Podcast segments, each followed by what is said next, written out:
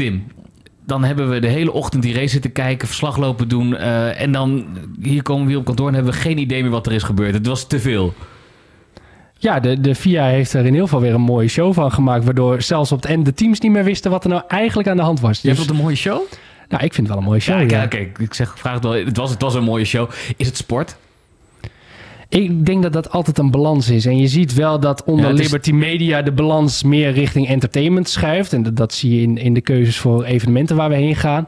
Maar ook in de manier waarop wedstrijden worden geleid. En ehm, ja, de, de, de conservatieve fans en... eh, ik denk dat ik hier in de podcast morgen ook weer een hele discussie over ga krijgen.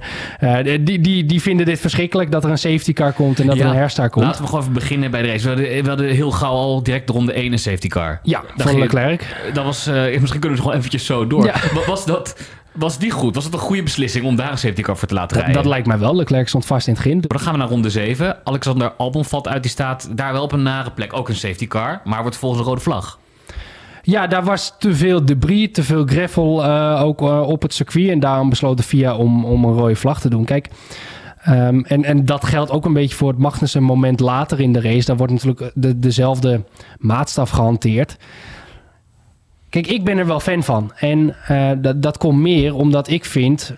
je hebt een x-aantal racerondes. En ik wil van die aantal racerondes... het liefst zoveel mogelijk racerondes hebben. Ja. En een virtual safety car, een safety car, die zorgen er altijd voor dat er een neutralisatieperiode is. Oftewel, er gebeurt niks.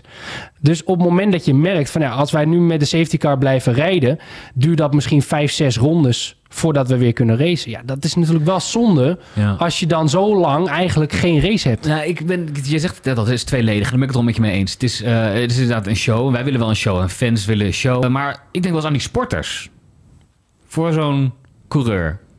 Eigenlijk is het, is het toch... Kijk, op het moment dat, eh, dat elke week de, de straffen anders worden uitgevoerd... of dan krijg je hier een straf voor... dan mag je in de eerste ronde wel iemand eraf rijden... en is het luchtig, dan niet. Voor die sporters, die, die werken daar hun hele leven naartoe. Die eh, krijgen misschien soms maar een jaar de kans op 20 races... en dan gaat er daar één race voor jou verpest... doordat de FIA weer gewoon niet consequent is. Je kan niet meer rekenen erop. En dat is iets wat altijd terugkeert. Ja, ik denk dat dat tweeledig is. Kijk, aan de ene kant heb je, eh, heb je de situatie dat. Inderdaad, voor wie is het nadelig, voor wie is het voordelig? Kijk, ik denk dat Verstappen-fans nu zullen zeggen van... Ah, die, die herstart had nooit gemogen. een safety car had genoeg geweest achter de safety car finishen. Maar in 2021 hadden ze iets anders gezegd eh, in Abu Dhabi. Kijk, en ik denk dat in beide situaties de ra- raceleiding heeft gekeken naar... oké, hoe kunnen we er nou voor zorgen dat de race niet gefinished wordt achter de safety car? Want dat is de allergrootste anticlimax die er is. Ja. Nou, in dit geval wordt daarom een rode vlag eruit gegooid. En ik denk dat dat in feite als keuze van de stewards in dit geval een goede keuze is. Want daardoor krijg je nog een race. De keerzijde is dat het inderdaad zo wisselvallig is als de pest. En hoe is dat heel erg anders dan wat Michael Masi deed? Want uiteindelijk heeft hij ook voor gekozen, we gaan die race nog wel uitrijden. Dat waren dan vier rondes, die, vijf rondes die over waren in plaats van drie. Ja, en, en niet in mijn ogen. Want eh, kijk, wat Masi deed Hij is... was toevallig ook weer aanwezig natuurlijk. Ja, hij was dit weekend toevallig ook aanwezig. Je zou zeggen, is het toeval? Nou, wat, wat Masi natuurlijk deed, is binnen, binnen de reglementen gaan spelen met... eh, hoe kan ik er nou voor zorgen dat dit wereldkampioenschap niet eindigt achter de safety car? Nou, dat deed hij door niet alle coureurs eh, die gelapt waren, maar een aantal coureurs er voorbij te laten. En niet te wachten totdat die weer waren aangesloten, maar gewoon de race groen licht te geven. Daardoor hadden we nog een mooie laatste ronde in Abu Dhabi. En nu zie je ook, kijk, in die laatste fase met Magnussen, ze hadden ook achter de safety car kunnen blijven rijden. Dan hadden we niks meer gehad. En eh, dan was de race doodgebloed. En nu hebben ze zoiets van, oké, drie rondes voor het eind, we doen rode vlag, dan hebben we nog een race op het eind. En ik vind dat hartstikke mooi. Is nu nadelig voor Verstappen. Uiteindelijk doet hij het hartstikke goed. Maar in een ander geval, kijk, weet je, als je een safety car blijft doen, is ook nadelig voor de achtervolgers. Ja, maar dat- Want jij dat- hebt geen tijd meer om iemand in te halen. Nee, maar het is wel van, er zitten sporters op de baan en zo'n wedstrijdleiding, nou, die hebben ook wel ervaring in de sport, maar die beslissen dan van, nou, oké, we gaan nu voor de fans en we gaan nog wel zorgen dat jullie het nog kunnen uitvechten. Maar ja, kon je het uitvechten? Met nog drie rondes eraan, het ging fout. Nou, Nou, dat- gebeurde uiteindelijk een hoop nog. Ja, dat kwam uiteindelijk dan wel goed uit om op, op een punt te maken dat het fout ging. Maar ik bedoel, het ging echt eigenlijk best wel goed fout. Bij de vijf coureurs volgens mij eruit, vier in ieder geval eruit bij die herstart. En dan krijg je alsnog, kreeg je een heel, echt een heel, ja, als je over show wil hebben, een soort afzwaairondje achter de safety car om te finishen. Ja, nou kijk, is een lastige situatie natuurlijk. Kijk, ehm, die laatste, daar kan je vrij weinig aan doen als wedstrijdleiding, want de rondes waren op. En je, Maar kan, je geval- kan natuurlijk niet vijf rondes erbij verzinnen. Nee, maar eentje. Ja, maar ook dat... Maar hoe, is- hoe is dat anders dan als je zegt van... Nou, we gaan nu maar stilleggen... terwijl normaal zou je er een safety car voor gebruiken? Waarom zou dan die, Nou, eerste, die tweede rode vlag anders zijn dan die laatste? Kijk, met die rode vlag kunnen ze natuurlijk gewoon spelen. Dus die kunnen ze erin gooien wanneer ze willen. Maar op het moment dat zij er rondes bij willen gaan verzinnen... dan moet je het hele reglement gaan omgooien. Dus dat, daar kunnen zij natuurlijk als stewards op dat moment niks mee doen. Wat ik wel vind, is dat de FIA... Kijk, nu is het gewoon niet duidelijk welke richting er wordt gekozen. We zien dit jaar veel meer safety cars. We zien dit jaar veel sneller rode vlaggen. Dus we hebben het idee allemaal van... oké, de FIA, de Formule 1 hebben samen besloten van... oké, we gaan dit jaar wat meer dat soort neutralisaties doen.